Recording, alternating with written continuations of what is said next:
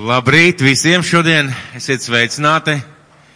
Prieks redzēt tik vienu šajā namā un šodien no rīta domāju, svētīti taču ir Dieva bērni. Viņiem nekaitē neņem ne liels saules, ne dziļš sniegs, ne, ne agras pavasaris, ne rudens lietus. Uh, viņi vienmēr kaut kur dodās un svētdienās slavu Dievu mēs varam doties uz Dievu namu. Uz baznīcu, lai kaut ko darītu. Ko mēs darām baznīcā? Man jautājums ir. Ir trīs varianti, nu varbūt pat vairāk. Pirmā lieta, kā māsa teica, mēs priecājamies.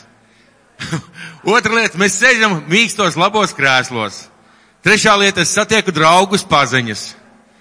Ceturtā lieta, es pēdu kārtīgi pē, pusdienas pēc dievkalpojuma.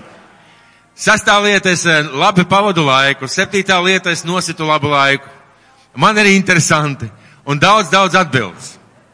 Bet, manuprāt, īstās un pareizās atbildes ir, mēs nākam, lai kopīgi kā draudze pielūgtu Dievu. Lai kopīgi kā draudze pagodinātu mūsu debes tēvu. Lai satiktu viņu šajā vietā, lai saņemtu vārdu no viņa, lai piedzīvot viņa klātbūtni, lai pieaugtu savā garīgajā dzīvē un lai piedzīvot, kā Dievs pamazām maina mūsu dzīves. Un es esmu kādreiz dievkalpojumā dalījies, ka esmu domājis par to, kas ir vissvarīgākais dievkalpojumā? Vai vissvarīgākais būtu draudzē? Kas ir tas vissvarīgākais? Manuprāt, vissvarīgākais, lai Dievs runātu uz mums, lai mēs dzirdētu viņa vārdu, lai mēs dzirdētu viņa balsi, lai Dievs mūs vadītu, lai Dievs mūs veidot, un to atklāja arī Bībeli, ja jūs atcerieties, jā? Ja? Ka viņi sanāca kopā, Mūzes lasīja bauslību, Dievs runājot ar praviešiem, un viņi piedzīvoja, viņi varēja iet uz priekšu, tā kā Dievs viņus vadīja. Tāpēc, lai Dievs jūs šodien visus uzrunā. Mums to priekšā stāv ļoti interesanta, uh, sarežģīta, te pašā laikā viegla un svētīta nedēļa. Vai kāds zina, par ko es runāju? Par gavēju nedēļu, pareizi? Un kāds varbūt tikko iekšēji noskurinājās, un kā mēs kādreiz ar manu draugu mācītāju Jānu runājām. Kad runā par gavēni, te var teikt tā, Dievs dod man izdzīvot šajā laikā. Nenomirt, neaiziet mūžībā bet var Dievs dod izdzīvot man šo laiku. Izdzīvot, izbaudīt, piedzīvot kaut ko no Dieva. Un es domāju, tas būtu tāds pareizais skatījums uz lietām. Un tagad laiks ir liecībām, un es gribētu aicināt kādus cilvēkus nākt un liecināt, ko Dievs ir darījis. Ko Dievs darījis šajā iepriekšējā laikā, varbūt iepriekšējā gadā, kādās konkrētās lietās, konkrētās situācijās. Lūdzu, ja kādam ir kāda liecība, nāciet lūdzu šeit, lai liecinātu. Nu, es varētu izstāstīt liecību par uh, gavēni. Un ir tā, ka, uh, ja Dievs ir teicis, ka tu ievēros sabatdienu, tad viņš, teiks, tad viņš ir solījis, ka viņš izskaidros visu, paskaidros. Un, un tev viss būs skaidrs, ko tu lasīsi un mācīsies. Bet tad, kad tu esi gavī, gavēnī, tad Dievs to dara katru dienu un visu laiku garā. Gan gan garā gribās lūgt, gan arī mazāk laika vajag noteikti miegam. No rīta nesaprot, kāpēc tu celies augšā, tad tu saproti, ka Dievs tev ceļ augšā, un, un viss, ko tu lasi, tev Dievs apskaidro arī un izskaidro un tik tiešām parāda tavas kļūdas un kas jālabo dzīvē, visu kaut ko. Tā kā iesaku katram meklēt Dievu, un Dievs arī nāk krietni tuvāk un atbildē uz visiem jautājumiem. Jā. Nu, Dievs ir devis daudz visādas apskaidrības un, un gudrības. Paldies. Paldies. Paldies. Vai ir vēl kāda liecība, kāds, ar kur kāds gribētu padalīties par kādām lietām, kas notikušas? Lūdzu, droši. Patiesībā es esmu nedaudz apaugstējusies, bet tas nav iemesls un šķērslis tam, lai neliecinātu par to, ka Dievs ir labs. Un man ir ļoti liela tāda praktiska priekš sevis liecība. Jūs ziniet, ka pirmā Jāņa vēstule raksta par bailēm, kad, uh, ka Dievs nav devis baiļu garu, bet mīlestības spēka un savādības garu, kas baiļojās, nav sasniedzis šo pilnīgo Dievu mīlestību. Tas ir ceļš, un mēs visi ejam uz to. Un arī, lai iznāktu šeit priekšā, ir vajadzīga drosme, bet, bet Dievs dod savu drosmu un svētais gars piepilda ar savu spēku. Un viņš grib, lai mēs liecinām, cik Dievs ir labs. Un konkrēti par bailēm es to pati uh, praktiski savā dzīvē piedzīvoju. Nedaudz padalīšos ar šo liecību. Bija tā, ka es vienu dienu atnācu mājās no darba un iegāju pie Aleksīša istabā. Man ir dēls viņam ir 15 gadi, un viņš gulēja gultā. Un es piegāju pie viņa klāt, un viņš gulēja tā galva atgāzes. Un es viņam teicu, Aleks, kas tev atkal asins padeg un tek? Viņš teica, nē, mammu, asins man netek, bet es kaut kā sliktu jūtos. Un es viņam jautāju, kā tas ir, ka tu sliktu jūties, kas tev sāp, un viņš rādīja tā kā uz sirds pusi sirds rajonā, ka viņam tā kā sirds, sirsniņa sāp, tā kā tirpst, visa tā kreisā puse tāda jocīga roka tirpst un kāja tirpst. Un es tā klusēju uz viņu neskatījos, bet laikam acis bija izbrīnītas un lielas. Un viņš teica, māma, nu neuztraucies. Tas jau nav pirmo reizi, tā ir bijis. Un tam man vēl lielāks tās acis bija. Un tā es viņam teicu, Aleksī, tu zini, mums vajadzētu tomēr, nu, Dievs arī devis šos ārstus. Varbūt, ka vajadzētu reizi gadā no aizbraukt pārbaudīties, nodot asins analīzes, aizbraukt un pārbaudīt tavu veselību. Jo tādā brīdī momentā man sātans pienesa domu, ka viņa tēvam, tā, viņa tēvs bija viņa vecumā un ka viņa tēvam bija sirds reumatisms. Un man sātans pienes šo domu, protams, tanī, man liekas, tanī brīdī mēs nelūdzām, bet es aizgāju uz virtuvi un es uh, atsacījos no šīm domām, ko man sātans pienesa. Un es biju virtuvē un tad pēc kaut kādām 15 minūtēm ienāk Aleks pie manas virtuvē. Viņš ir galīgi nosvīdis, es, es nepārspīlēju, viņš ir galīgi bāls, viņam tek sviedri pār papieri. Un viņš saka, māmu, man ir slikti, man ir slikti. Es saku, Aleks, nomierinies, kas tev ir, man ir slikti. Ka, izstāst, kas tev ir. Un viņš teica, tad, tad, kad es izgāju no istabas ārā, es piesēdos pie datora, apsēdos pie interneta, un viņš iegāja internetā un sāka lasīt, kas tas varētu būt. Un es teicu, tev atnāca bailes. Viņš teica, jā, māma, man atnāca bailes. Protams, ka viņš iegāja internetā, viņš palasīja, kas, tās, kas tas varētu būt, ka tu visādas problēmas. Un es teicu, Aleksīt, pirmais, ko mēs darīsim, mēs lūgsim Dievu, un tad jau Dievs pats rādīs un vadīs. Mēs nācām Dievu priekšā, mēs lūdzām mēs saistījām šo baiļu garu. Un, uh, Tas bija kaut kāds minūtes desmit, un es viņam teicu, kā tu jūties. Viņš teica, māmu, tā kā labāk, bet es visu trīcu. Es teicu, tu diezam uz istabu, tev ir jāapguļās, tev ir jāsasadzās. Viņš aizgāja uz istabu, mēs apgulās, viņš sasadzās ar divām sagām, mēs vēl lūdzām, runājāmies, un pēc pusstundas viņam acīs parādījās mirdzums, viņam mainījās sādas krāsa, viņš teica, māmu, paldies tev. Tiešām, nu, ko es gribēju pateikt, kad um, Bieži vien mēs arī meklējam kaut kādas, kaut kādas problēmas, kaut kādas lietas internetā, mēs, mēs, meklējam šos, nu, kas tas tāds varētu būt. Un tad viņš jautāja, mamma, kas tas tāds bija? Un, protams, tas viņam arī priekš viņa bija, ja, ka viņš mājās mācās tālmācībā, viņš maz kustās, ja. Viņš teica, kas tas bija? Es teicu, Aleksīt, nu tas, tas ir tas, ka tu daudz sēdi pie datora ārā. Nē, tev ir mazkustīgs dzīvesveids, tev vajag veselīgi dzīvot, un tā arī priekš viņa bija šī vārds un šī mācība un šī atziņa. Un es gribu pateikt, neiesim internetā un nelasīsim un neticēsim visam, kas tur rakstīts, jo Dievs mums dod jaunu garu, mēs esam viņu bērni. Ja es brūcējis, mēs esam dziedināti. Tā kā slava Dievam. Paldies par šo liecību. Šis dievkalpojums ir, manuprāt, ļoti strateģiski var, svarīgs. Mēs pagājušajā dievkalpojumā runājām par vārdu, ko Dievs, Dievs devis mūsu draudzē šajā gadā.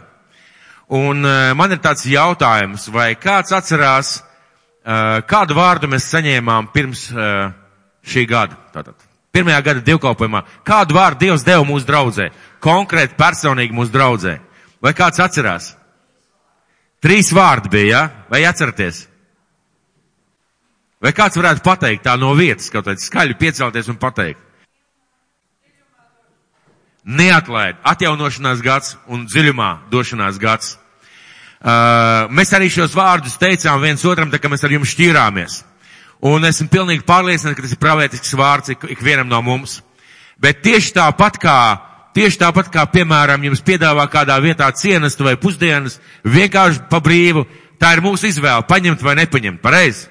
Tā ir mūsu izvēle, vai mēs pieņemam šo aicinājumu, vai mēs nepieņemam. Un tieši tāpat būs arī šajā gadā. Mēs šogad runājām, pagājušajā šajā gadā, pirmajā divkumā, runājām par Jāiru. Jūs atceraties, mēs runājām šo te piemēru, šo uh, notikumu Jēzus dzīvē par Jāiru, un viņam bija konkrēta vajadzība.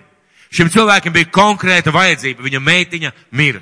Viņa mērtīja meitiņa lēnām, bet neatlaidīgi atstāja šo zemi. Un viņš nāca pie Jēzus, viņš farizējs, viņš sinagogas priekšnieks būdams nāca pie Jēzus, pie maz pazīstama sludinātāja un riskējot ar savu autoritāti, noliekot pie Jēzus kājām visu savu cilvēcisko slavu un godu, viņš lūdz Jēzu nāc manā namā, nāc manā namā, mana meitiņa mirst. Un viņš ticēja, mēs runājam par to, kā viņš ticēja, ko ja es teicu tikai tici, un tu redzēsi, ka viņa dzīvos, kā viņš piedzīvoja, ka viņa meitiņa cēlās augšā. Jo viņa bija jau nomiris, viņš piedzīvoja, ka viņa meitiņa cēlās augšā, un kā pēc šiem notikumiem viņu pārņēma bailes, tādā ziņā satraukums, bailes, kā viņš iepazina Kristu daudz dziļāk, daudz personīgāk un no vienkārši no cilvēka, kas kaut kur sludina evaņģēliju un kāda dzīvē kaut ko ir darījis, viņš kļuva par personību, kas viņa dzīvē ir mirušo caur augšām cēlēs. Un tas ir daudz dziļāk un daudz personīgāk. Un Jērs iepazina Jēzu daudz savādāk. Un caur to mēs saņēmām vārdu, par to mēs runājām, ka neatlaid, neatlaid, nepadodies, tajās lietās, kas ir nomiris, jeb kas liekas, ka ir nomiris. Ne, neatlaid tās lietas, kuras neizdodas, kuras tu esi pazaudējis šajā pagājušā gadā, kuras varbūt šajā gadā gribēs nomirt. Neatlaid, jo ja tu neatlaidīsi šīs lietas, ja tu nāks pie Kristus, tu piedzīvos augšām celšanās gadu, jeb atjaunošanas gadu un dziļumā došanās gadu. Tātad neatlaid, jo ja tu neatlaidīsi, tad tu piedzīvos. Tad tu piedzīvos, un šis būs uh, atjaunošanās gads un dziļumā došanās gads. Bet caur šo vārdu mums visiem noteikti radās jautājums, ko mums neatlaist? Ko man neatlaist? Kas ir tas, ko man, man neatlaist? Mums katram ir savu personīgu individuālu dzīvi. Mēs dzīvojam katrs savā vietā, katrs savā dzīves vietā. Mums ir atšķirīgi apstākļi, veselība, vecums. Mums ir katram arī savas vajadzības. Un tas nozīmē, ka mums ir jāsaprot katram personīgi, kas man neat, ko man neatlaist. Ko es nedrīkstu atlaist. Jo viena lieta es varu noklausīties dievkalpojumā, un es esmu darījis, un arī daram kādreiz. Un cilvēki tā dara, bija brīnišķīgs dievkalpojums, svaidīts dievkalpojums, Dievs runāja. Bet ko Dievs man personīgi pateica? Kā tas iespaidoja manu dzīvi? Ko tas izmainīja manā dzīvē? Man ļoti, ļoti aizskāra savā laikā kāda liecība no māsas, kas man pieveda Kristum. Un viņa stāstīja, ka viņa jauna kristieta būdama, viņa uh, gāja uz dažādām baznīcām, klausījās, kas tur notiek, un gāja šiem dievkalpojumiem, un viņa esot iegājis kādā no baznīcām, tradicionālām konfesijām, un ejot iekšā, viņa satiek kādu vecmāmiņu, kur nāk ārā, un viņa jautā šai vecmāmiņai, nu, uh, vecmāmiņa, Uh, kas bija, kas bija dievkalpojuma, kas bija baznīcā, un vecmāpiņa saka, oi, mācītājs tā runāja, tā runāja, bija tik labs dievkalpojums. Un taču tad šī māsa, ka māma, vecmāmiņa, kā tu domā, bet Dievs ir? Un atbildes var bijis, a, kas to zina meitiņa? Bet mācītājs labi runāja. Bija jauki. Es zinu kādu kalpotāju, kurš teica, es biju kādā dievkalpojumā, vesels piedzīvojums vējš, jūra, viļņi, bangas, zibeņi, viss iet pa gaisu. Un viņš saka, es izgāju ārā un pēkšņi sapratu, ka izņemot emocijas, izņemot tas, kas tur iekšā notika, es neko neesmu paņēmis. Man vispār tas neko nav mainījis. Tas nozīmē, ka divkalpojumiem mūsu dzīvē kaut ko ir jāmaina. Mēs nenākam šeit, lai vienkārši pasēdētu vai noklausītos mācītājs prediķi. Mīļie, to nevajag darīt. Mēs nākam, lai saņemtu bet saņemam mēs tikai tad, ja mēs nākam gribot saņemt. Izsaukuši, tas nozīmē, ka, ja tas vārds bija neatlaid, man ir jāsaprot, ko man neatlaist. Es nevaru vienkārši teikt, neatlaid un tu piedzīvosi, jo ko tad man neatlaist, lai es piedzīvotu? Man ir jāzina, ko man neatlaist, par ko man lūgt, ar ko man nāk pie Kristus, ar ko viņam tuvoties, kādā veidā viņam tuvoties. Jērs burtiski fiziski fiziski aizgāja, nometās viņa ceļā uz priekšā un teica, kungs, ienāca manā namā, mana meitiņa mirst. Bet mēs nevaram fiziski aiziet pie Kristus. Mēs nevaram viņu redzēt, nevaram nomesties viņu priekšā fiziskā veidā. Tas nozīmē, kā mēs varam viņam toties, ar ko mēs varam viņam toties, ar ko mums vajadzētu viņam toties. Bet pirms es gribētu runāt par to, kā toties, kā toties un kā iet pie viņa. Kā toties un kā iet pie viņa. Mums ir tūkstoši ideju, mums ir tūkstoši ideju, kā piedzīvot no Dieva svētības, kā saņemt gudrību, kā saņemt izpratni par lietām. Tūkstoši idejas. Varētu teikt tā, zini ko, tur tāda svētīga māsa, piezvan tai svētīgai māsai. Zini, tajā draudzē ir pravietis, piezvan viņam, paprasa, kā viņam, ko man darīt. Tajā vietā ir tāds un tāds cilvēks, gudrs, eh, zinošs, pajautā viņam. Bet svētais gars, svētais gars ar Pāvilu saka, ka mēs dzīvojam laikā, kad pravieši tikai apstiprina Dieva vārdu un dod kādas nelielas korekcijas vai palīdz saprast lietas. Mēs dzīvojam laikā, kad Dievs saka, ka visi, kurus vada Dieva gars, ir Dieva bērni. Svētais gars ļoti konkrēti pasaka Bībelē, ka viņš vadīs cilvēks caur iekšējo liecību, caur balsi, ko mēs dzirdam iekšā, caur vārdu, ko viņš mums dod kā atklāsmi. Viņš mūs vadīs. Tas nozīmē, ka mums nav jāmeklē pravieši, gudri cilvēki, padoms ir vērtīgs. Arī pravietis savā laikā ir vērtīgs, bet Dievs saka, ne caur praviešiem, ne caur vilnas izlikšanu. Ziniet, ir tādi cilvēki, kas tā dara un kādreiz mēs tā esam darījuši. Dievs, ja tas ir tavs prāts, lai notiek šitā. Ja nav tavs prāts, lai notiek šitā. Līdzīgi pēc vecās derības, kad bija, jūs atceraties Gideons, jā. Dievs, ja tu mani aicini, lai vilna ir slapja un zeme ir savs. Nē, nē, nē, Dievs, es saprotu, jā, bet vēlreiz, vēlreiz, jā, jā, tā ir tava grība, lai vilna ir savs un zeme ir slapja. Un Dievs apstiprināja. Bet kāpēc tā bija? Šiem cilvēkiem nebija svētā gara. Svētais gars bija par atsevišķām personībām, par atsevišķiem priestriem, ķēniņiem un kalpotājiem. Šodien mēs dzīvojam laikā, kad svētais gars tajos cilvēkos, kuri ir kristīti ar svēto garu, ir iekšā. Tas nozīmē, ka Dieva svētais gars runā uz manu garu, un cilvēks ir gars, kuram ir dvēsele un kas dzīvo miesā. Tas nozīmē, ka Dieva gars runā uz manu garu, mans gars dod kaut kādu informāciju manām prātam, emocijām, manām sajūtām, manai dvēselē, un mana miesa tālāk to dara vai tālāk to nedara. Tas nozīmē, ka man ir jāsaprot, kā es varu tuvoties Dievam. Kā es varu prasīt no Dieva, ko es varu prasīt no Dieva. Un es gribētu jūs visus vest uz, uz psalmiem, uz 119. psalmu. 119. psalms, 119. psalms, 105. pants. 119. psalms, 105. pants. Vai atšķirāt savās bībelēs? Es nejautāju, vai jūs paskatījāties uz ekrānu, es pajautāju, vai jūs atšķirāt savās bībelēs. Jo ekrāns nodzisīs un ekrāns varbūt nebūs vairs paliekošs. Jums vajadzīgs savā bībelē, savā vārdā ieraudzīt to, kas tur rakstīts. Un 105. pants. Tavs vārds ir manu kāju spīdeklis un gaišums uz maniem ceļiem. Mūsu valodā būtu teikt, tavs vārds, tas, ko tu esi teicis, ir kā lukturis, kā gaismā, nezinu, kā um, lielie lukturi, kā mašīnas lukturi uz maniem ceļiem. Tavs vārds ir kā gaisma uz maniem ceļiem. Tas nozīmē, ka tavs vārds apgaismo, kā man iet, ko man darīt, kādā veidā man izturēties, ka Dieva vārdā ir atbildes visām, visām lietām, kā lampa uz mūsu ceļiem.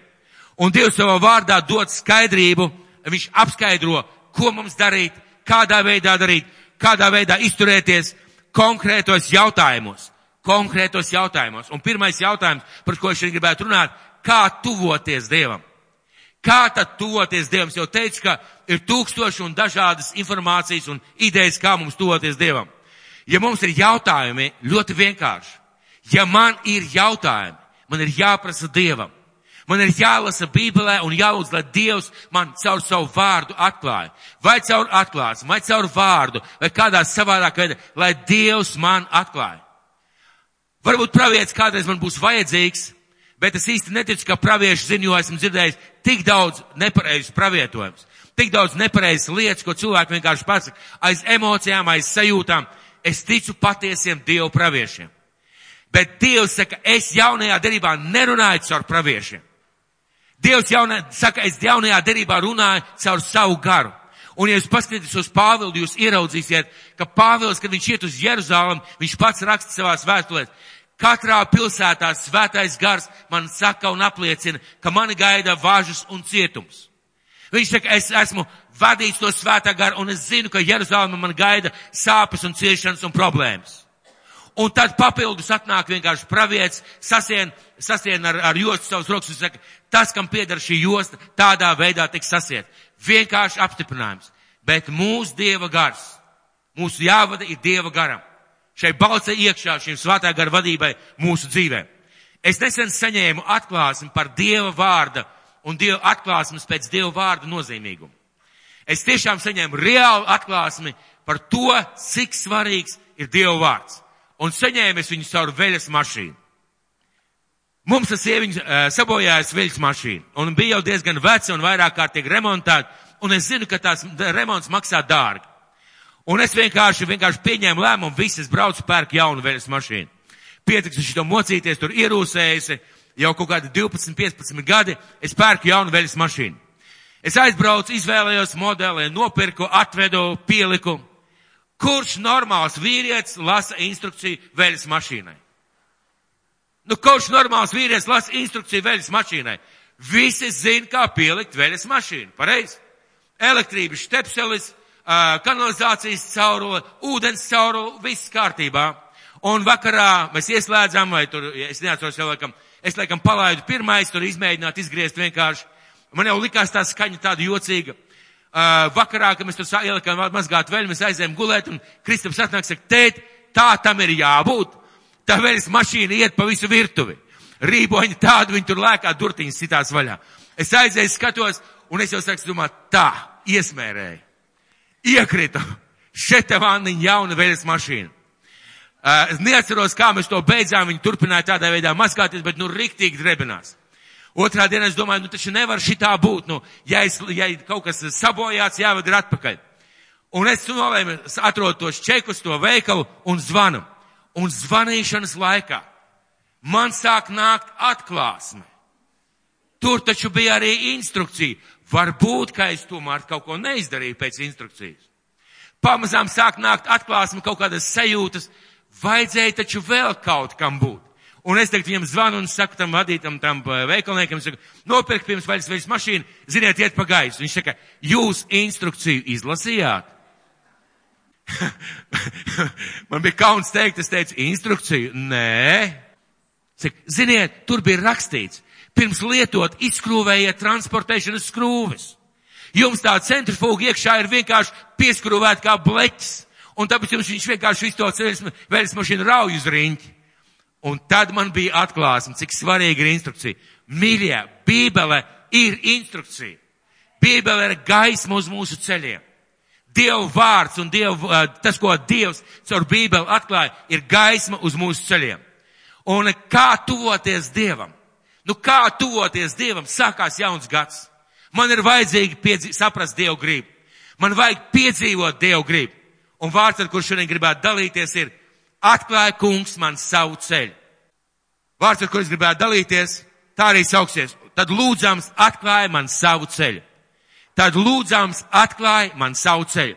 Vai kāds zina, no kuras vietas ir šie, šie, šie vārdi? Tad lūdzams atklāja man savu ceļu. Vai kāds zina, no kuras vietas šī, šī, šī bībeles vieta? Māsāniti noteikti zina, bet vai vēl kāds zina? Tie ir Mūzus vārdi, un ziniet, kādā situācijā viņš, eh, viņš uziet kalnā pie Dieva, lūg Dievu, saņemt no Dieva vārdu, un viņš saņem tur baušļus. Un tauta pa to laiku uzbūvēs zelta teļu. Viņš, un tā, un Dievs pats pasaka, kāp zemē tā tauta, ko tu izveidi, ir izveidojuši zelta teļu un pielūdz aug. Viņš nokāp, viņš ir dusmīgs, viņš sadauz to zelta tēlu, viņš uzkāp atkal otrā reizē augšā kalnā. Bet Dievs viņam saka vārdus, Dievs pasaka viņam vārdus, kurus neviens no mums negribētu dzirdēt. Dievs pasaka, zini ko? Es sūtīšu jums eņģeli pa priekšu uz apsolīto zemi. Viņš jūs ievedīs, jums tautas, tās tautas jūs uzvarēsiet, jūs iemantosiet šo, zemi, bet ziniet, es pats neiešu jums pa priekšu. Es pats neiešu pa priekšu, un Mūzus saprot, bez Dieva paša tikai ar eņģeli nepietiek. Bez Dieva pašā tikai ar varenie, varenu spēku, kas tev iet pa priekšu, ir par maz. Un viņam ir neskaidrs, ko tālāk vispār darīt. Viņš ir pilnīgā tādā neziņā, jeb neizpratnē.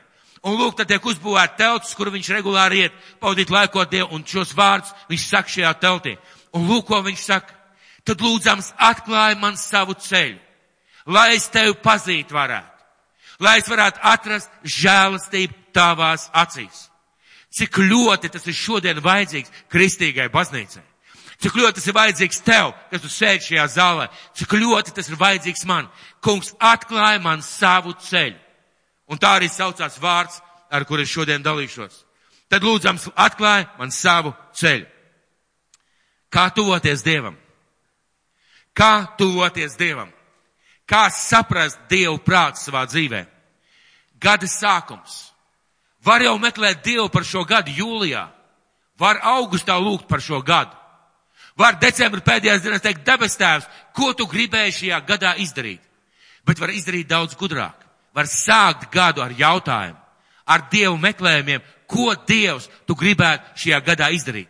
Un mēs runājam par to, ko man šajā gadā neatlaist. Ja Dievs teica neatlaid, tad ko man šajā gadā neatlaist? Kas ir tas, kas gatavojās nomirt, vai taisās nomirt, vai jau ir nomiris, ko man nevajag atlaist, lai viņš atkal celtos augšā? Un kā tuvoties Dievam? Un iesim uz Mateja evaņģēlī. Mateja evaņģēlīs, piektā nodaļa, pirmais un otrais pants. Mateja evaņģēlīs, piektā nodaļa, pirmais un otrais pants. Mateja evaņģēlīs, piektā nodaļa, pirmais un otrais pants. Mēs zinām, to sauc par kalnu svētrunu. Ja tā varētu teikt, visslavenākā Jēzus runa. Daudz zina, daudz pat lieto, pat necīgi cilvēki lieto principus no šīs kalnu svētrunas. Un lūk, piektie nodaļā pirmais līdz otrais pants.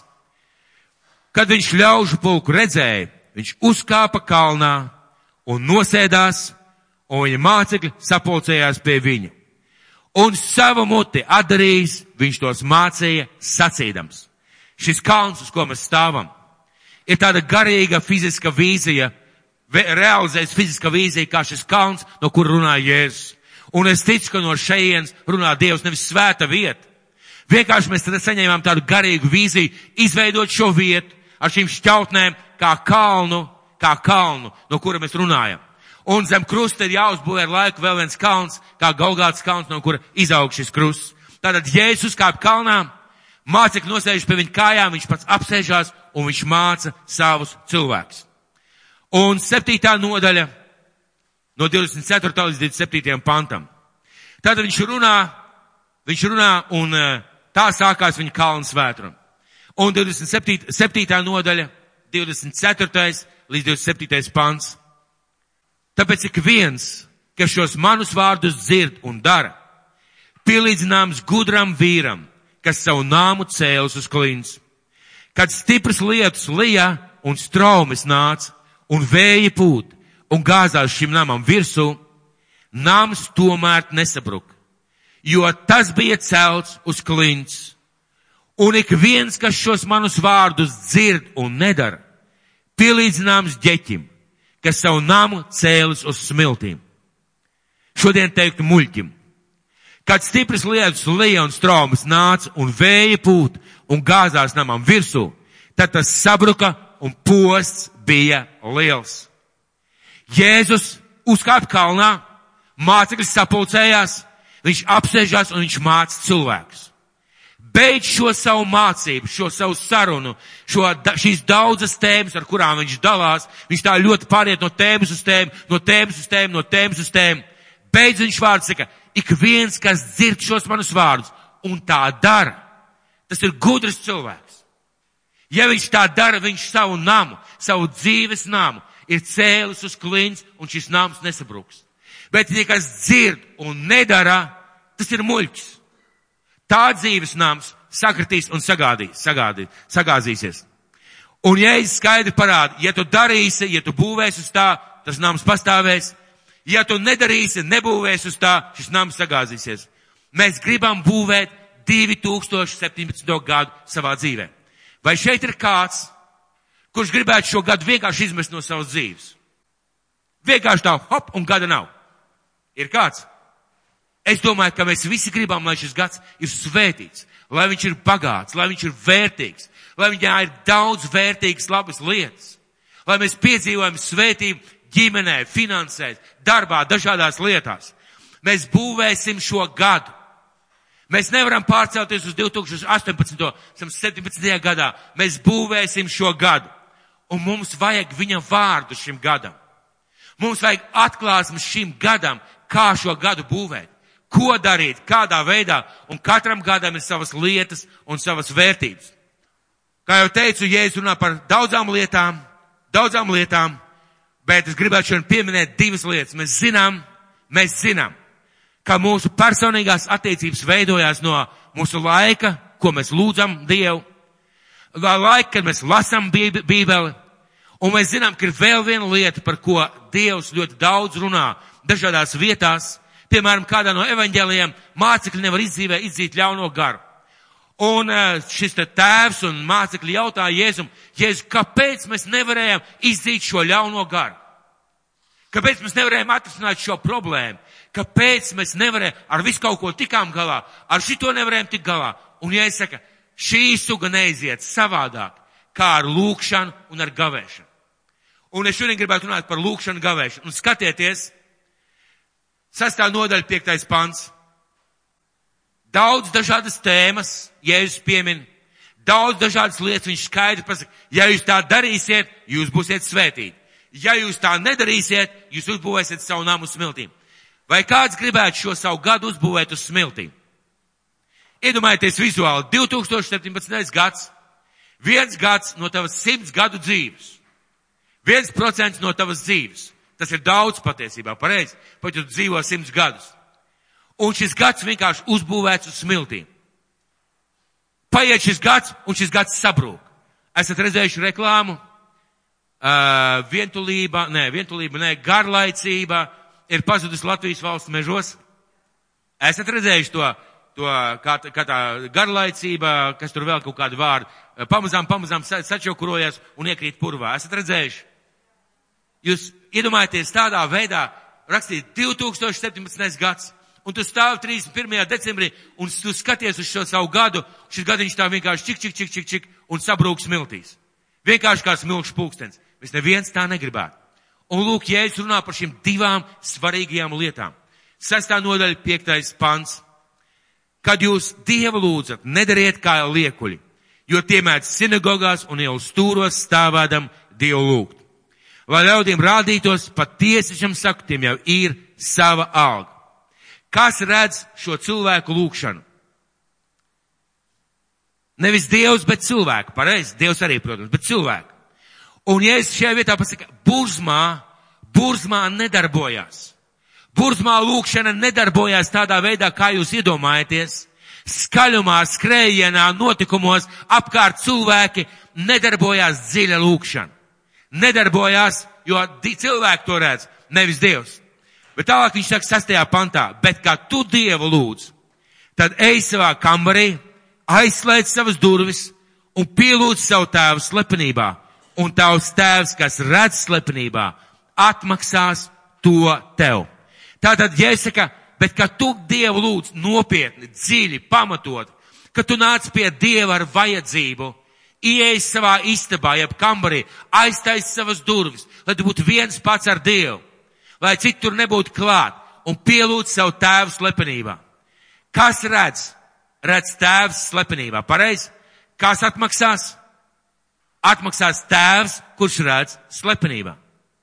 Runa iet par patiesu īstu dziļu lūkšanu, par kādu konkrētu lietu, konkrētu vajadzīgu.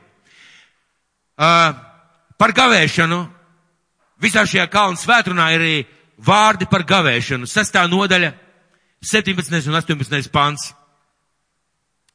17. un 18. pants.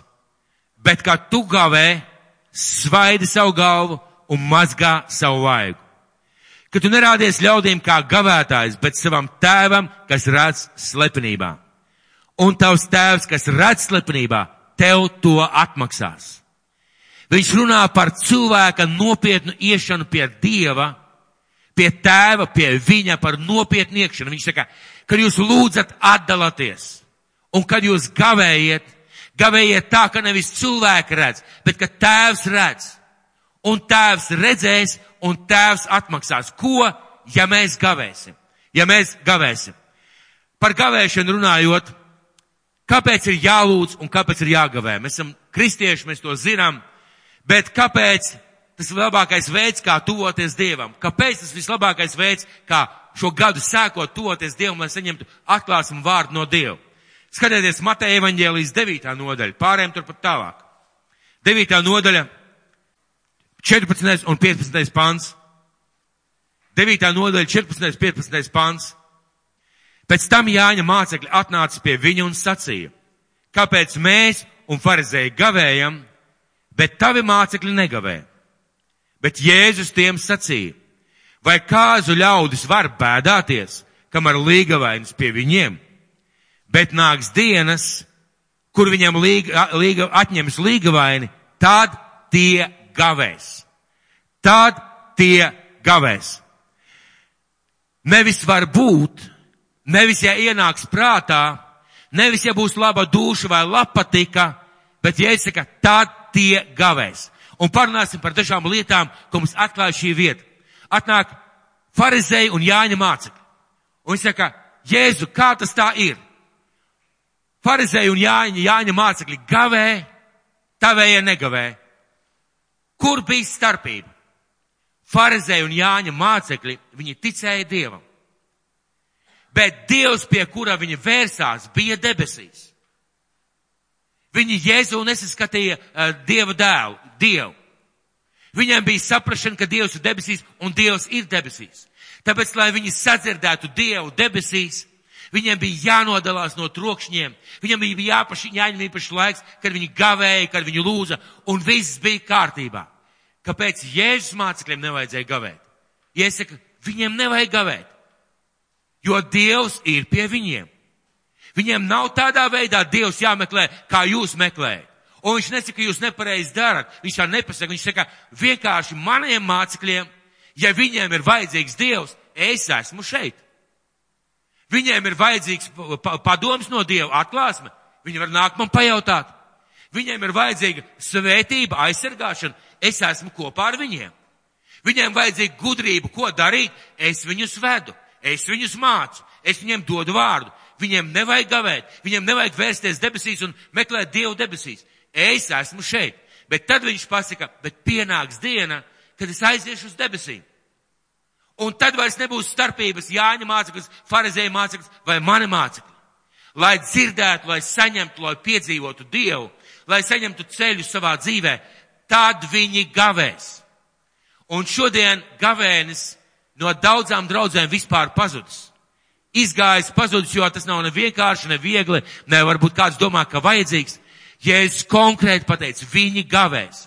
Nevis var būt, nevis, var, ja ienāks prātā, nevis, ja būs laba grība, vai vēl kaut kas, bet tā tie gavēs. Jēzus runā par normālu, bībelisku kristiešu veidu, kā meklēt, piedzīvot un saņemt no Dieva. Kā piedzīvot, meklēt un saņemt no Dieva. Un kā tad, kā tad viņi meklēs? Viņi meklēs Dievu klātbūtni, viņi meklēs atbildes un viņi meklēs palīdzību. Gavējot, lūdzot. Vispār gavēnis bez lūkšanas, jums gribētu reiz pateikt, mēs te vakar braucām ar vīriem, kā Aivalds teica, tā ir vienkārši badošanās. Jeb gavēšana bez lūkšanas, tā ir vienkārši badošanās. Gavēnis ir, gavēnis ir, kad mēs lūdzam un kad mēs gavējam. Kas ir gavēnis? Kas ir gavēnis? Piektdienā nēdam gaļu. Bet pie, ceturtdienas vakarā kārtīgi sēdamies. Tā, lai otrdienā vispār negribētu to sēst. Mēs varētu paņemt pirms lieldienām taisam 40 dienu gavēni. Vienkārši tāpat gavējam, jo baznīcā tāda laba dievbīga tradīcija. Nav nevainas tradīcija. Nelaim tā, ka tā ir tradīcija. Kas ir gavēnis? Gavēnis ir reāli. Cilvēka reāla vēlēšanās tuvoties Dievam ar jēgu, ar nozīmi, ar kaut kādu mērķi. Un kas ir gavēnis? Tā ir atteikšanās no kaut kā uz kaut kādu laiku ar konkrētu mērķi. Atteikšanās no kaut kādām lietām savā dzīvē uz kaut kādu konkrētu laiku ar konkrētu mērķi. Atteikšanos no kā? No grēka, no liekas kafijas tasītes, no cigaretēm, no uh, neskatīties pornogrāfiju, nezinu, neiet iedzert, tad man gavēns. Ir tādi cilvēki, kas tādā veidā gavē. Atteikšanās no lietām, kas man likumīgi kā divu bērnam pienākās. Ko es varu lietot, kas ir normāli, kas ir manai ķermenī, manai dzīvei vajadzīgs. Un parasti tas ir kaut kas tāds, no kā es atsakos, tas ir ēdiens, tā ir sabiedrība, tas ir nepieciešamās lietas, izklaide, varbūt tāda veida atpūta, kas man kaut kādā veidā izklaidē. Tās ir lietas, kas mani it kā cilvēcīgā veidā ved prom no Dieva un neļauj Dievam tuvoties. Ēdiens, izklaides, sabiedrība, dažādas lietas, internets šajā, dien, šajā laikā varētu teikt. Uz konkrētu laiku, uz konkrētu laiku, mīļie. Ir cilvēki, kur saka, tā es gavēšu, ka man saņemšu no Dieva atklās. Arī tā ir konkrēts laiks. Arī tas ir konkrēts laiks. Cilvēks saka, no šī mirkļa vai no tā mirkļa līdz laikam, kad Dievs man atbildēs šo jautājumu. Vai cilvēks ņem dienu, trīs vai nedēļu, kā tas būs mūsu gadījumā, bet uz konkrētu laiku ar mērķi. Bet nevis vienkārši gavēt, bet ar mērķi. Un kāds varētu būt mērķis gavēnim? Tuvoties Dievam. Mērķis viennozīmīgi ir tuvoties Dievam. Attīrīties Dievu priekšā. Izslēdzot ārā visādus trokšņus, situācijas, cilvēkus, papildus vajadzības, saldumus, konkrēti tuvoties Dievam, lai attīrītos, lai izmainītos, lai izmainītos, lai sadzirdētu Dieva balsi. Lai sadzirdētu Dievu, jūs ziniet, ka Dievs runā ļoti skaļi, kad viņš grib kā pērkona balss. Bet parasti Dievs runā maigi un klusi caur savu garu. Bet ja tev uz galvas ir austiņas ar bumbu mūziku, ja tev priekšā ir ekrāns ar Facebook un visu pārējo, nu ļoti grūti būs sadzirdēt Dievu. Nu ļoti būtu grūti būs sadzirdēt Dievu uz slēpēm, vai uz ezeru ar blītku, vai, es nezinu, vizinoties ar mašīnu pa kalniņiem vai pa ezeru. Ļoti grūti būs sadzirdēt. Tātad, atturoties no šīm lietām, lai izmainītos, lai sadzirdētu Dievu prātu, Dievu balsi, lai izprastu Dieva ceļus, lai izlūgtos svētību, lai saņemtu spēku un lai saņemtu atbildes. Un tā varētu turpināt un turpināt un turpināt. Un kad katrs cilvēks personīgi izvēlās tuvoties Dievam ar lūkšanu un gavēnu uz kaut kādu laiku, Dievs katra cilvēka dzīvē individuālas lietas dara. Individuālas lietas Diev, Dievs dara. Ko gavēnis maina? Vai Dievu? Ir cilvēki, kas domā tā, es gavēšu, kamēr Dievs man iedos. Es gavēšu, kamēr Dievs man nevis vienkārši atbildēs, bet atbildēs tādā veidā, ka notiks tas, tas, tas un tas. Ko gavēnis maina? Dievu gavēnis nevar mainīt. Mēs gavējot varam nomirt, Dievs nemainās. Dievu nevar izmainīt, Dievs vienmēr ir spējīgs dzirdēt, iedot, palīdzēt, svētīt. Viņš vienmēr to arī grib. Kam ir jāmainās? Mums. Jo mēs neesam spējīgi bieži saņemt, dzirdēt, piedzīvot, atbildēt, izprast, izmainīties. Bieži vien lietas, kas mūsu dzīvē, kas ir kā troksnis, kas traucē sadzirdēt Dievu balsi un Dievs runāt mēs nedzirdam. Bieži vien liet, mūsu dzīvē ir lietas, kas traucē mums sadzirdēt Dievu. Ko vajag nolikt un atstāt? Mums ir jāizmainās. Mēs izmainamies. Mēs kļūstam spējīgi sadzirdēt. Mēs spē, jūt, kļūstam spējīgi saņemt. Mēs kļūstam spējīgi sākt staigāt Dieva spēkā. Mēs kļūstam spējīgi sekot, izmainīties. Mēs kļūstam spējīgi zināt un darīt Dievu prātu.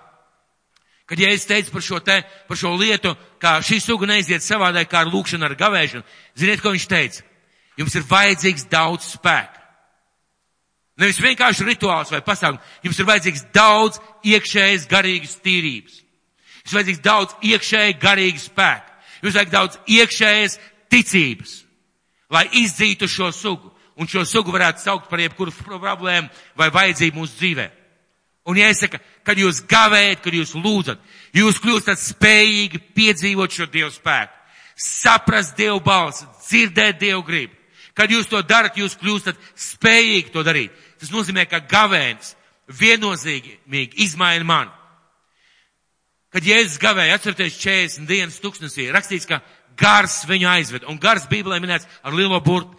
Tas nozīmē, ka svētais gars Jēzu aizved tuksnesī. Un kad sātans nāk un saka, zini ko, Jēzu, izmaini šo mai, šos akmeņus par maizi, Jēzus atbild izcilus vārdus. Cilvēks nedzīvo no maizes vien, bet no ikviena vārda, kas iziet no Dieva mutes. Un lūk, ko viņš pats saka sātanam, satan, es negribu un nevaru un nevēlos dzīvot no, pārtika, no pārtikas no ēdiena, no laika apstākļiem, no svētībām, no visa tā, ko es varu piedzīvot. Es gribu dzīvot no Dieva vārda. Un mums tāds lēmums būtu jāpieņem. Jā, mēs ēdam, jā, mēs dzīvojam, jā, mēs strādājam, jā, mums ir atpūta, mums ir ģimenes, viss tas ir. Bet mēs nedrīkstam pārtikt no šīm dabiskajām lietām.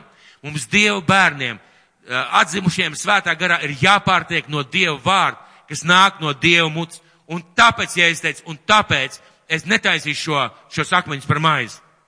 Mums visiem cilvēkiem ir vajadzīgs piemērs.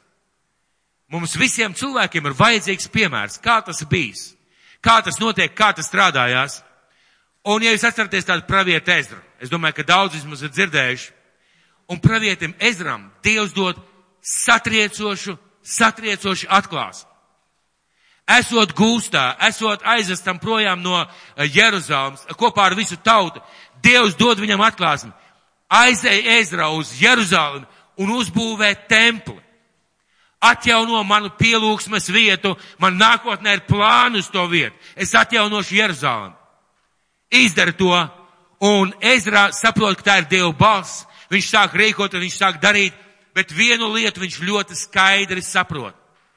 Kaut tas ir Dieva plāns, kaut tā ir Dieva grība, Dieva nodoms un Dieva pavēle priekš viņam, bez Dieva pārdebiskās klātbūtnes viņš nevarēs to izdarīt. Bez padoma no Dieva viņš nespējas to paveikt, bez Dieva svētības nav iespējams tikt ārā no valsts, kurā tu esi gūstā, lai ķēniņš vēl apmaksā visus izdevumus, aiziet uz to vietu, kur tas jāizdara, un lai tas vēl izdotos, un lai neviens viņus neiznīcinātu un nepārtraukt šo darbu. Viņš skaidri saprot. Bez tā, ka viņš dzird un zina, ko Dievs vēlās, nav iespējams, nav iespējams izdarīt Dieva darbu. Mēs cilvēki reizēm domājam tā, Dievs ir ar mani. Gan jau Dievs man palīdzēs. Es šodien no rīta īsi pielūdzu Dievu, gan jau Dievs man palīdzēs. Ir lietas un darbi, kur mums vajag dziļu personisku atklāsmi, nodošanos, saprašanu, izpratni, laiku ar Dievu, ko mēs paudam, lai saprastu, ko Dievs gaida, kādā veidā. Atcerieties, mēs runājam par to, ko man šajā gadā neatlaist. Ko man neatlaist, pat varbūt no lietām, par kurām man jāpieņem lēmums šī gada laikā, varbūt kaut kā arī uzsākt. Un viņš zina, ka, kas jādara. Šis cilvēks zina, kas jādara, lai tas viss izdotos. Viņš izsludina gavēni. Padomājiet paši. Padomājiet paši. Noriņ, pie tevis atnāca šie naktī eņģels. Piedod, ka es atkal tevi izmantošu. Un eņģēlis atklās, man saka, Nora, aizēj uz baznīcu un nodekorē šeit visu priekš tāda ar zelta krāsu. Nu, ar domā tā, nu tā, ja ar zelta krāsu, ja priekšā visi skatu tā, tad Dievs parūpēsies par krāsu, par strādniekiem, par palīgiem. Es sapratīšu, kā to visu darīt, kā tas viss iznāks. Es vienkārši iešu un darīšu. Un kaut tas ir Dieva prāts, un kas ir Dieva nodoms. Bez Dieva meklēšanas to nevar izdarīt. Un šis te Ezras saprot, kaut tas ir Dieva plāns un griba. Saki man lūdzu par sevi, par mani, par jebkuru no mums, vai ir Dieva plāns un prāts šo gadu, lai mēs esam svētīti, lai mēs dzīvojam svēti, lai mēs zinām, ko darīt, lai mēs netērējam savu laiku, līdzekļus un, un iespējas pa tukšo un pa velku. Vai Dievs to grib? Viennozīmīgi. Tā ir viņa griba svētīt savus bērnus un vadīt savus bērnus. Bet vai tas nozīmē, ka es vienkārši eju, dodos un daru? Tas nozīmē, ka lai tas iznāktu pareizi, īstajā laikā un īstajā veidā, man ir vajadzīga atklāsme no Dieva. Man ir vajadzīgs laiks Dievu priekšā. Un lūk, Ezra tieši to labi paši saprot.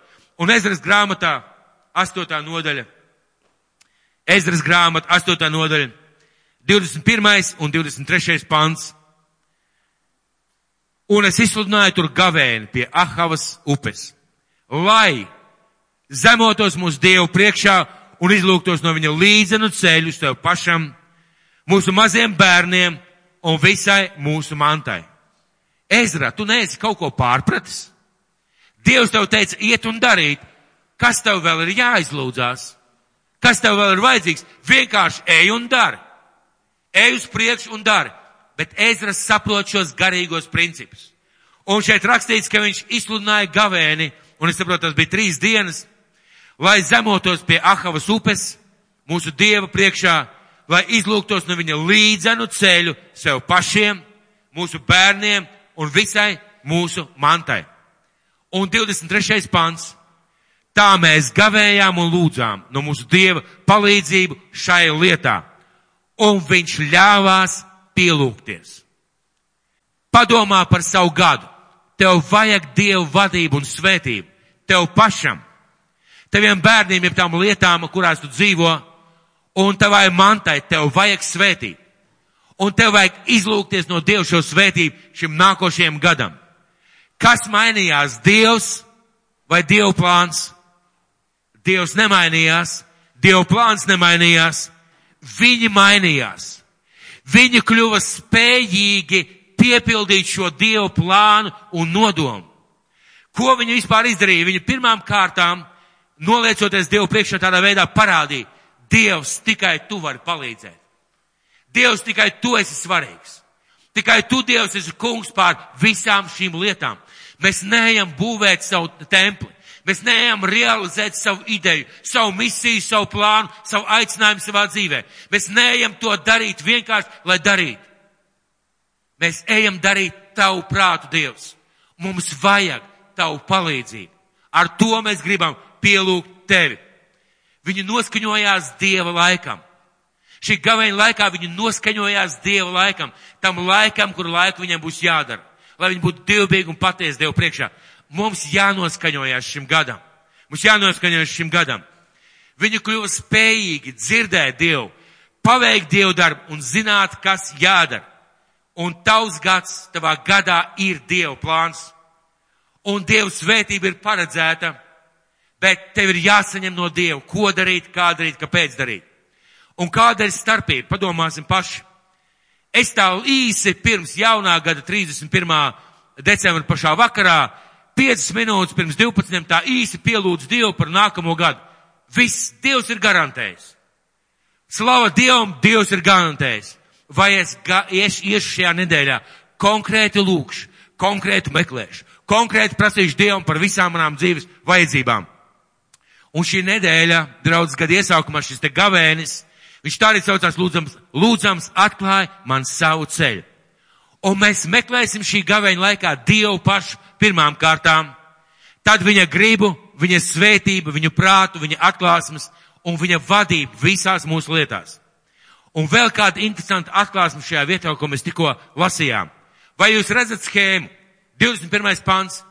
Vai jūs redzat kādu schēmu Dievs dod?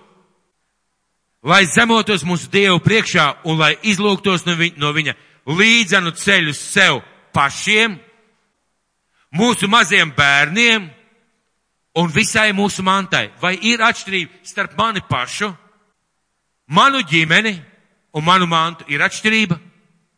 Mēs tā bieži vien sametam visu kopā, bet Dievam ir atšķirība. Un šajā vietā mēs redzam konkrētu schēmu. Mēs zinām, ka mums Dieva bērniem ir septiņas sfēras mūsu dzīvē. Septiņas sfēras, par kurām mēs runājām midī laikā, par kurām esam aicināti domāt. Septiņas konkrētas sfēras ir mūsu dzīvē. Es vienkārši nosaukšu, ja kādam rodas jautājumi, pēc tam pienāciet. Pirmām kārtām garīgā sfēra. Manas attiecības ar manu debesu tēvu. Otrā lieta - mana ģimene. Trešā lieta - mana kalpošana. Ceturtā - finanses. Piektā - veselība sestā izglītība un septītā atpūta. Ir septiņas tādas lielas sfēras manā dzīvē. Septiņas lielas sfēras. Un kad mēs lūgsim un gavēsim šajā laikā, mums vajadzētu lūgt un gavēt par viņām visām. Bet Dievs kādu labu laiku atpakaļ deva man atklāsmu un vienkārši tādu dabisku saprašanu, jo es prasīju Dievam, Dievs, kā tas tagad ir? Es septiņas dienas gavēšu par visām šīm sfērām, bet kā tas tagad ir? Es šodien lūkšu par attiecībām ar tevi, rītā par ģimeni, parīt atkal par attiecībām ar tevi, aizparīt atkal par ģimeni, tad pavīt kaut kur par finansēm, tad pavīt kaut kur par veselību, tad pavīt kaut kur par atpūtu, un beigās tād, un man radās tāds sajūta, ka es vienkārši sajūkšu. Un Dievs dabiski deva atklās. Vienkārši ņem un katru dienu mērtiecīgi lasi un lūdz par to konkrēto sfēru. Mētiecīgi katru dienu lūdzu un lasi par to konkrēto sfēru. Un es sadalīšu savu nedēļu dienās un tēmās, ar kurām es sāku. Un es sāku ar svarīgāko, ar manām attiecībām ar dabas tēvu. Un kad es pirmo dienu pavadīju šo laiku lūdzot, meklējot Dievu, lasot par to, cik pats viņš ir svarīgs, kā viņš grib dzirdēt mani, kā es varu dzirdēt viņu, kādām jābūt mūsu attiecībām, es nerunāju par finansēm, nerunāju par ģimeni, nerunāju par aicinājumu, par kalpošanu. Es runāju tikai ar viņu par viņu. Otrajā dienā es īsi pielūdzu Dievu un pēc tam es teicu, debes tēvs, bet tu redzi manu ģimeni. Tad es runāju ar Dievu par saviem bērniem. Es runāju Dievu par savu ģimeni. Es runāju par mūsu attiecībām. Es runāju par konkrētām lietām. Es lasīju Bībeli par to, ko Dievs saka. Es lūdzu Dievam, es saņēmu atklāsmes, es tās pierakstīju, es e, nolēmu, ko es darīšu, es nolēmu, ko es mainīšu, es nolēmu, kas man jādara. Trešajā dienā es lūdzu, tagad nepateikšu precīzi, bet laikam tā bija mana kalpošana par draudzi, un tieši šajā gavēnī es saņēmu uz draudzes atklāsmi. Vārdi vienkārši nāca, un es gadiem pirms tam biju domājis, mums vajadzētu kaut kādu vīziju draudzē. Nu, tas taču tā normāli, ka Dievs pasaka, kas mēs esam, uz kurien mēs dodamies un ko mēs darām. Mums vajadzētu tādu vīziju mūsu draudzē, nevis tāpēc, ka vajag, bet tāpēc, ka tas ir tā kā, nu, pareizi, tas ir pa īstam. Un vienkārši šie vārdi nāca un viņi raisījās. Tālāk par kalpošanu, par draudz, par daudzām lietām. Un tās, kas ir notikušas draudzē, viņas notikušas tikai tāpēc, ka es meklēju Dievu un prasīju Dievs, ko man darīt šajā sfērā. Tad es lūdzu par finansēm vienu pusdienu. Tad es pusdienu lūdzu par veselību, lasīju vārdu par veselību, lasīju vārdu par finansēm, lūdzu par šīm lietām, pierakstīju domas, pierakstīju idejas, pieņēmu lēmumus. Un, ziniet, beidzas šīs septiņas dienas apmēram tā. Fū! Bet man bija sajūta. Es tiešām par visu esmu lūdzis. Es tiešām par visu esmu prasījis Dievam. Es tiešām par visu izlūdzu Dievam. Un bija sajūta, ka Dievs ir dzirdējis. Un, ziniet, Dievs arī dzirdēja. Ne manis dēļ, bet tāpēc, ka es izvēlējos spērt šo soli. Un ko Jēzus teica? Kas manus vārdus dzird un dara? Tas ir līdzīgs cilvēkam, kas savu namu cēlus uz klints. Ja mēs šos vārdus šodien dzirdam un nākušajā nedēļā pieņemam lēmumu gavēt un meklēt Dievu, mēs celsim šo gadu uz klints. Mēs celsim uz klints, mēs varēsim izdzīvot fantastisku gadu. Un kad mēs lasām vārdu, kad mēs lūdzam par konkrētu sfēru, mēs lūdzam, lai Dievs atklāja savu gribu, lai atklāja savu vārdu, lai atklāja savas domas. Mēs uzrakstam, kādas mums nāk domas, ko mēs gribētu, kādā veidā, un Dievs mūs vada visā šajā procesā. Mēs uzrakstam arī vajadzības un lūdzam par tām. Kā nodalīties? Kā nodalīties, lai gavētu? Kā nodalīties, lai gavētu? Piemēram, tiem cilvēkiem, kas strādā, Nevajag atstāt darbu, nevajag rakstīt atlūgumu uz nenoteiktu laiku. Ja jūs to nevarat, nedariet to. Vienkārši izslēdzam no savas ikdienas visu lieko. Ja var nemazgāt tajā nedēļā veļu, nemazgājam. Ja varam tajā, nedēļā netīrīt istabā, taisīt ģenerālo tīrīšanu, netīram. Ja tajā nedēļā varam nelabot mašīnu, nelabojam mašīnu. Atliekam maksimāli visas lietas, ko mēs varam atlikt malā. Un veltījam brīvo laiku atnākot mājās Ja jums ir ģimene jābaro, vienkārši uztaisiet viņiem vakariņas vai kaut kā savādāk vienojieties, ka šajā nedēļā jūs to nedarat, bet pavadiet maksimālu laiku lasot un lūdzot. Un veltījiet katru dienu savai sfērai vai divām sfērām. Lasot, lūdzot, pavadiet visu to laiku. Un kas nu varasti notiek? Ziniet, es esmu teicis iepriekšējos gados, noteikti kāds piezvanīs, uzaicinās ciemos. Esmu pārliecināts, šobrīd kāds jau nākošu nedēļu uzaicināts ciemos. Kādam kāda ballīte, svētki, notikumi, noteikti kaut kas ir. Un tad mēs meklējam tādu kompromisu, jā, Dievs, tu redzi gavēņa nedēļu, bet, nu, nu tu jau nedusmosies, ja es otrdien aiziešu ciemos, trešdien aizbraukšu pie drauga, piekdien es pasēdēšu kafēnīcā ar draugu, ceturtdien es uh, aiziešu uz uh, vēl kaut kur, uh, piekdien es vēl kaut ko izdarīšu no sestdien dabas tēvs, tad es nākušu pie tevis dabas tēvs, paldies tev par šo gavēju nedēļu. Nu, mēs taču tā nedomājam pareizi. Mums ir vajadzīgs atdalīties, ko mēs darām. Mēs izslēdzam internetus, trokšņus, paņemam projām visus greznos ēdienus, konfektus un šokolādes, kafiju kāds noteikti nedzer, saldumus. Un kā mēs parasti to darām? Mēs izvēlamies kādas dienas. Vai tās ir visas septiņas dienas, vai tās ir sešas dienas, vai tās ir trīs dienas, kad mēs atturamies, vai viena diena, kad mēs atturamies no ēdiena lai mēs parādītu nopietnību un meklētu Dievu ar nopietnību. Kāds cilvēks, kurš lieto zāles, varbūt veselības problēmas, izvēlēties gavēņa, eh, Daniela gavēņa, kā Daniels gavēja. Ļoti pareizs bībelisks veids. Vai ir starpība? Es pusdienās, uz, ne, no brokastīs uzēdu desu maizi ar šķiņķi, pusdienās uzēdu karbonādi ar e, klapētiem kāpostiem vai vēl kaut ko, vakariņās es uzēdu mazu gabaliņu lašu vai es vienkārši ēdu e, auzu pārslu putru visu dienu? Vai ir starpība? Jūtat starpību? Es aizmirsu pieminēt, ka es piekošu vakariņās vēl gabaliņu kūks un pāris konfekts kopā ar draudzenēm uh, savā darba vietā. Vai jūtat starpību? Vai jūs pēc auzu pārslu putas vai kaut kādā vienkārši, ļoti vienkārša ēdiena, jūs nomirsiet? Jūs sāksiet justies sliktāk? Taisni otrādi. Dāmām tas ir veselīgi, mums vīriešiem arī. Bet ko tas, noz, ko tas parāda? Dievs vienmēr skatās, ko tev tas maksā, ko tu dari. Ja tas ir viegli, ērti, izdevīgi, tad Dievs tā arī skatās. Tas viņam neko nemaksāja, tas bija ļoti vienkārši. Viņš izdarīja tāpēc, ka viņam patika un ka tas bija ļoti vienkārši. Bet ja mēs nesam šādas lietas, un Bībele to parāda mīļie, Dieva vārds mums parāda, ka tādā veidā mēs esam aicināti tuvoties Dievam. Tas ir tas veids, un ja kādam kādi jautājumi es jau teicu, jūs droši varat pienākt, es mēģināšu paskaidrot. No kā šis gads ir atkarīgs? Sakiet man, no kā jūsu dzīvē šis gads ir atkarīgs? Un visi dievbīgie teica no Dieva žēlbalības, pare, žēlastības. Pareizi. Es teikšu āmen, bet vēl no jums. Viennozīmīgi no jums.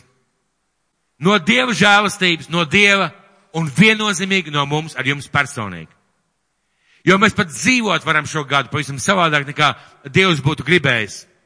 No Dieva un no mums. Mums vajag padomu, mums vajag skaidrību, mums vajag atklāts, mums vajag vīziju, mums vajag vārdu, ko darīt. Mums vajag viņa svētību un nepelnīto žēlastību. Un kā mēs to varam iemantot? Tuvojoties Dievam. Katru dienu pavadot laiku kopā ar Dievu, meklēt viņu gribu savā dzīvē, bet sākot šo gadu ar Dievu meklējumiem, ar laiku Dievu priekšā. Kāds teiks, uh, negribu grūti, priekš kam, tā ir mācītāja ideja. Lai mācītājs pats to dara, ja viņam ļoti vajag, tā ir mācītāja ideja, lai viņš pats to dara. Es gribētu jums minēt kādu piemēru. Sakiet, ja mēs gaidām ļoti svarīgu ciemiņu.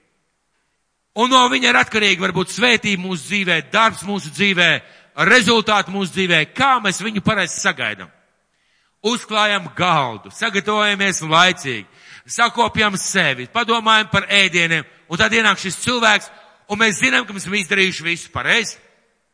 Vai jūs kādreiz esat redzējuši, kā, kā sagaida ārzemju ļoti augsta līmeņa uh, viesi vai, piemēram, uh, prezidentu? Kāds ir redzējis? Noteikti redzējuši televīzijā, pareizi. Vispirms, pirmās klases lidmašīna, parasti viņi lido ar savējām. Un tad, kad atverās vaļā durvis, traps noklāts ar sarkano paklājiņu. Skaistas stjortas, Turpat lejā orķestris, pam, param, param, pam, pam, ar pūtējiem, jā. Ja? Ģenerāļi atdod godu, nāk prezidenta kungs pretīm ar prezidenta kundzi. Tā ir reverants, priecājamies, jūs redzat, pirms, kāpēc? Attiecības. Attiecības ar šo valsti, ar šo prezidentu. Kad mēs vēlamies Dievu ieaicināt šajā gadā, mums ir jāsagatavo sevi, lai šīs attiecības veidotos un attiecīgā veidā jāsagatavojas. Mūsu dzīve ir līdzīga, var salīdzināt ar zemi, uz kā nosēžās lidmašīnas. Es šodien tā nu arī domāju, un tā es sapratu, ka mūsu dzīve ir līdzīga, tad, tad zināma līdzība ar zemi, uz kuras nosēžās lidmašīnas. Ziniet, ka lidmašīnas lido gaisā, pareizi? Viņas, piemēram, no Amerikas lido uz Latviju, bet lai Latvijā šī lidmašīna nosēstos, kas ir vajadzīgs? Lidlauks, ar to ir par maz. Skrejceļš vajadzīgs, pareizi. Sagatavots, apgaismots, notīrīts skrejceļš. Un tikai tad, ja ir skrejceļš kārtībā, lidmašīna nosēdīsies. Ja jūs esat kaut kā dzirdējuši par lidaukiem, par lidmašīnām, jūs ieraudzīsiet, ka neviena lidmašīna sev pa priekšu nestum sniega kaudzes. Un sev pa priekšu nedzenā putnus. Un lidmašīnai, kad viņi nosēžās pa priekšu, neskrien izmisis tehniķis, jo viņš kaut ko mēģināja pēdējā laikā, pēdējā sekundē tur pielabot. Lidmašīna nosēžās tikai tāda. Un vienīgi tāda, ja lidlauks ir sagatavots, ja skrēlis viņš ir gatavs un ja šī lidmašīna var brīvi un ērti nosēsties. Mūsu dzīve, mūsu dzīve ir kā šī zeme. Un Dieva lidmašīnas atklāsmes, svētība, panākuma, izdošanās, viņas lido gaisā virs mūsu zemes. Dzirdiet mani! Dieva lidmašīnas pilnas ar svētībām, panākumiem, Dieva žēlstību lido virs mūsu zemes. Bet, lai viņas nosēstos, mums ir jāsaka to skrēceļš. Mums ir jāsakoto šis veids, kā Dieva lidmašīnas ar visām tām lietām, kas tur iekšā varētu nosēsties. Tas nozīmē, ka ja es sagatavoju šo skrejceļu, es varu gaidīt šo lidmašīnu. Ja es nesagatavoju, pavēlti gaidīt. Dievs nevar nolaisties un Dievs tādā veidā nevar mūs smēt, svētīt. Mums ir jāsagatavo skrejceļš. Un esmu pārliecināts, ka Dievs šajā gadā priekš daudziem, ja priekš visiem no mums ir sagatavojis šo savu svētību, Dieva žēlstību un izdošanos. Neticamas, fantastiskas lietas, jo Dievs saka, es visu daru jaunu. Tad ir jaunas lietas, jo Viņš mīl mūs, jo Viņš grib mūs svētīt, un Viņš virķu, riņķo virs tavas dzīves. Dzirdi mani? Nākošajā nedēļā Dievs riņķos virs tavas dzīves. Un es vienkārši gribētu jūs aicināt sev vizualizēt tādu ainu. Nākušās nedēļas laikā, kad jūs būsiet, kad jūs meklēsiet Dievu, kad jūs staigāsiet, pamēģiniet iedomāties, kur augstu gaisā. Dieva lidmašīna, pilna ar atklāsmēm, ar svētībām, ar vispārējo, lidinās virs jūsu dzīves un gaida, kad varēs nosēsties. Un tas laiks, ko jūs pavadīsiet kopā ar Dievu, lūdzot un gavējot, meklējot Dievu, tas būs tas laiks, kas sagatavos šo skrējceļu. Bez šī skrējceļa šī lidmašīna var nenosēsties. Kam vajadzētu, lai mēs gavējam? Un pavadām šo laiku, šo nākšanu nedēļu tādā veidā. Kam vajadzētu? Mīļie, tie, kuļi guļ, guļ pamostaties. Kā jūs domājat, kam vajadzētu? Man ir laba ideja. Mācītājam. Viņam noteikti vajag, lai es būtu svētīts. Jo tad viņam būs labāk, vieglāka dzīve. nu, vēl varētu padomāt, draudzē vajag. Draudzē noteikti vajag, lai es esmu svētīts, jo tad mēs būsim kopā svētīti Dievu bērni. Nu labi, pirmā persona būsim godīgi, Dievam vajag. Dievam vajag, lai es būtu svētīts, lai viņš man varētu svētīt, viņš to pēc tā ilgojās, viņš to vēlās. Dievam vajag, lai Dievs varētu, varētu, varētu svētīt. Vai jūs visi man piekritīsiet? Kam visvairāk vajag? Visvairāk vajag. Mums pašiem. Bībele saka, ka liecība tiek apstiprināta vai divu vai trīs liecinieku mutes. Pirmkārt, jūs to teicāt, un es jums gribu izlasīt vienu fantastisku vietu. Salmana pamācības 9. nodaļa, 12. pants. Salmana pamācības 9. nodaļa, 12. pants. Un atceraties, ko es lasīju Mateja evaņģēlijā, ja? Ja kas būvē savu nāmu šīs klints, šis nams pastāvēs, ja kas nebūvē, šis nams sagāzīsies. Un Salmana pamācības 9. nodaļa 12. pants. Ja tu esi prātīgs, tagad iedomāsimies tādu ainu. Es tagad stāvu šeit jūs priekšā un visiem saku, ja tu esi prātīgs, tad tu esi paša labā prātīgs. Ja tu esi izsmējies, tad tu to viens pats arī cietīsi. Ja jūs gavēsiet un meklēsiet Dievu, tas būs jums pašiem par labu, mīļie. Mācītājiem to nevajag. Dievam to vajag neapšaubāmi, bet ne tik daudz, cik mums. Visvairāk vajag tev.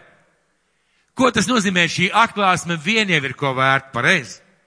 Kad Dievs saka, tu gribi svētības, kam to visvairāk vajag?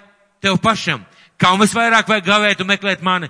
Tev pašam. Kas visvairāk no tā iegūs? Tev pašam jo jūsu tēvs, kas redz slepenībā, atmaksās to jums.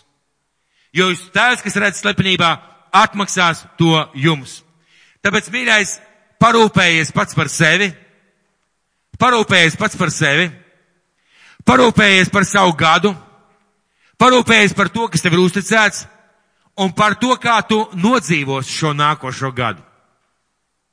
Parūpējies šīs nedēļas laikā. Izdar to. Un es gribētu vērsties pie visiem, kas esam šeit. Tas bija padoms par šīm sfērām, bet es tiešām ieteku liet, lietot, manuprāt, brīnišķīgi Dievu atklās. Un pierakstiet par katru sfēru, ko jums vajadzētu izdarīt, ko Dievs ir atklājis, ko jūs gribētu izdarīt, uz ko jūs tieksieties, par ko jūs lūksiet, un lūdziet, lieciet roku virsū un lūdziet par to. Pierakstiet to visu un, nede, un laika, šīs te gada laikā atgriežties atkal, atkal, atkal un atkal pie tā, ko esat uzrakstījuši. Un gada beigās es varu garantēt, daudzas lietas būs piepildījušās, un jūs būsiet svētīti. Bet, protams, ka mēs varam pateikt, tas nav vajadzīgs un to nedarīt. Katra paša personīga izvēle. Kam to visvairāk vajag, vēlreiz gribēju pajautāt. Ļaujiet man dzirdēt. Vienīgais, kam vajadzīgs, ir Anniņa. Kam to visvairāk vajag? Pasaki pats sev. Man pašam to vajag. Kam to vajag visvairāk? Man pašam. Daži tā arī nepateica. Bet tā ir taisnība. Parūpējies pats par sevi. Jo Dieva svētības lidmašīnas ir pār tavu gadu, ir par šo laiku. Un tad, ja tu neatlaidīsi, tu piedzīvos, ka šis gads būs atjaunošanās gads un dziļumā iešanas gads. Lai Dievs mūs visus svētī. Un vēl kādu lietu jums gribētu parādīt. Šeit mums ir tāda draudzes cerība, kalpošanas redzējums 2017. gadam katrai kalpošanai. Un katrs kalpošanas vadītājs, es noteikti jūs aicinu, pienāciet pie manis pēc dievkalpojuma. Mēs paņemsim katram, es iedošu šādu lapu, un mēs šī gavēņa laikā lūksim, domāsim un uzrakstīsim šeit, ko mēs gribam redzēt šajā gadā, ko mēs darīsim šajā gadā, kādā veidā mēs virzīsimies tālāk. Katra kalpošana. Vai mēs varētu beigt ar lūkšanu? Bet pirms mēs lūksim Dievu, es gribētu Skarlet tevi aicināt. Nāc lūdzu. Mīļie draugi, brāļi, māsas, ciemiņi. Es gribu liecināt par 2011. gadu. 2011. gadu. Bija janvāris, bija otrā, otrā mēneša svētdiena, mācītājs teica sprediķi par gavēni, un viņš teica tādus vārdus. Vienu no tiem vārdiem bija. Varbūt tev ir vajadzīgs izlaušanās gavēnis. Tad, lai tas ir tavs izlaušanās gavēnis. Un ziniet, Dievs mani tik ļoti uzrunāja. Un kāpēc? Varbūt es tā īsos vārdos pastāstīšu. Es vēl nebiju iestājusies draudzē cerību. Es biju piedzimusi no augšienes, es runāju mēlēs, es meklēju Dievu pa semināriem, konferencēm, kristīgajā rādio, lasīju, un es piederēju vēl luteriskajai baznīcai. Un šeit es sāku nākt caur nakts lūkšanām. Un tad, kad es jau kādas vairākas nakts lūkšanas šeit biju bijusi, tad man bija interesanti, es domāju, atnākšu arī dienā paklausīties, paskatīties, ko viņa dienā dara. Un tā bija viena no tām dienām, kad es biju atnākusi. Un es pieņēmu šo Dievu mesto izaicinājumu. Šis lai ir tavs izlaušanās gavēnis. Un ziniet, tā nedēļa visu izmainīja. Es pieņēmu šo gavēni. Tas bija mans pirmais gavēnis, kad es gavēju nedēļu. Pilnīgi es gavēju tikai zūdeni. Otradienā, pēcpusdienā man jau likās, ka es miršu. Es, protams, es strādāju, es biju darbā. Es aizgāju darbā toaletē un es Dievam teicu, pat ja es mirstu, es vienalga gavēšu. Es vienalga izlauzīšos. Ja tu mani aicināji, tad es to varēšu. Un ziniet, tad viss pārgāja. Bet tā bija nedēļa, kad bija arī trešdiena lūkšana vakarā un piekdienā bija lūkšana. Un katru dienu Dievs uz mani tik spēcīgi runāja. Un tādā gadā, tikai tādā pirmajā gadā, 11. gadā, es, man nokristīja ūdenī, es iestājos draudzē, es sapratu, ko nozīmē meklēt Dievu vaigu, jo šeit draudzē bija semināri. Un tā gada no gada es augu, es izlauzos. Varbūt kādam no jums ir vajadzīgs šis izlaušanās gavēnis. Ja tu jūti, ka tev te kaut, kaut kas nav kārtībā, varbūt tev pietrūks, tev ir slāpes pēc Dieva, bet tu netiec uz priekšu. Tu gribi vairāk, bet kaut kā tu nesaņem. Saņemies drosmi. Jo Dievs ir labs. Viņš nekad mūs neaicina darīt to, ko mēs nevaram. Un vēl es gribu jums pajautāt, kā jūs domājat, vai gavēnis ir garīgs vai miesīgs? Miesīgs vai garīgs? jo saka, ka gavēnis ir miesas ierobežošana garīgi mēģi sasniegšanai. Un ziniet, kāpēc viņš ir garīgs? Tā pavisam vienkārši. Kas bija pirmais grēks? Pirmais grēks bija ēšana. Ēšana. Un tad, kad mēs sev aizliedzam to, kas mums pienākas, un tas saistās ar šo pirmo grēku, mēs tik ļoti atveram sevi Dieva garam ka Dievs darbojas. Un es, Un es aicinu jūs, nu, protams, Dievs uz katru runā savādāk. Katrs mēs esam šai, šai ceļā pie Dieva, tuvāk, tālāk. Bet visvairāk Dievs grib, lai mums būtu attiecības ar viņu. Lai mēs izlaužamies no tās vienkāršās parastās dzīves, jo viņš grib to darīt neparastu. Viņš grib mūs darīt ne tikai par saviem bērniem, bet par saviem mācekļiem. Lai Dievs jūs svētī šonedēļ. Un pat, ja jums liksies, ka jūs mirsiet, jūs nemirsiet. Lai Dievs jūs svētī. Kaut kas jau noteikti mirs, liekie kilogrami. Tie gan noteikti mirs pareizi.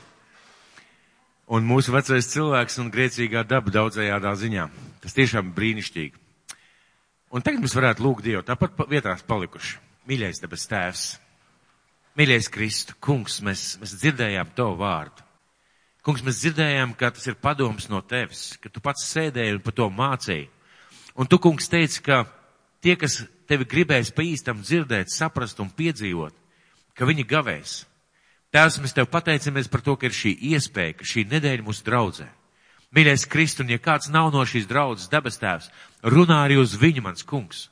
Lai arī viņa dzīvē šī nedēļa ieņem svarīgu vietu, sākās sākuma šāviens, kā starta punkts, kungs, šim gadam. Tēvs, mēs lūdzam Jēzus vārdā.